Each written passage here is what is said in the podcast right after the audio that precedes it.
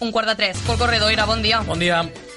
Europa respira alleugerida després de la derrota electoral del populisme a Holanda. El primer ministre holandès Mark Rutte repetirà el càrrec després d'imposar-se de forma clara al seu rival Gert Wilders.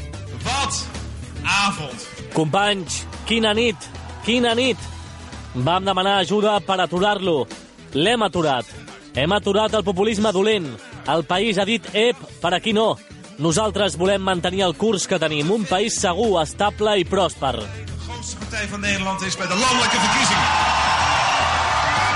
Així ho celebrava el vencedor i és que té motius per estar content. Malgrat semblin unes eleccions més a Europa, el caliu populista del vençut posava tots els ulls en les urnes holandeses. Wilders, antieuropeu i racista, ha fet una campanya molt agressiva en la línia de l'extrema dreta. La sortida del Regne Unit i una victòria del seu partit haguessin provocat una més que possible fugida del país de la Unió Europea. Els holandesos, però, han apostat decididament per un govern continuista i europeista. Moltes reaccions a la premsa catalana i espanyola. Què diuen les principals publicacions? Doncs vinga, comencem per El Mundo. El periodista Jorge Galindo parla d'una dicotomía exterior-interior. Diu que Wilders ha acaparado todas las miradas a lo largo y ancho del mundo, pero en su casa no ha logrado convencer ni a un 14% de los ciudadanos. Més pessimista és Ignacio Molina, el mateix diari, el professor de la UAM, que parla de purgatori i afirma que conviene subrayar que el nuevo panorama político holandés tampoco regresará a la situación de país tolerante y europeísta que pareció brillar durante la segunda mitad del siglo XX. També els editorials d'internacionals s'hi refereixen. L'ABC alerta que encara que els resultats holandesos siguin tranquilitzadors, no es prudente echar las campanas al vuelo, sobre todo cuando están pendientes citas electorales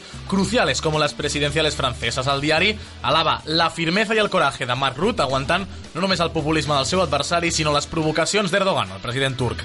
El País també a l'editorial defineix la victòria de Rutte com una bona notícia. Fa especial esment en la històrica participació d'un 80% i constata que las sociedades democráticas son capaces de discernir claramente los proyectos que basan su estrategia en la culpabilización permanente del otro. Els diaris catalans tampoc es queden callats. L'investigador del CIDOP, el Centre d'Estudis i Documentació Internacionals de Barcelona, Pol Morillas, escriu al periòdico Analitza, més que la derrota de Wilders, la creació del seu propi antídot.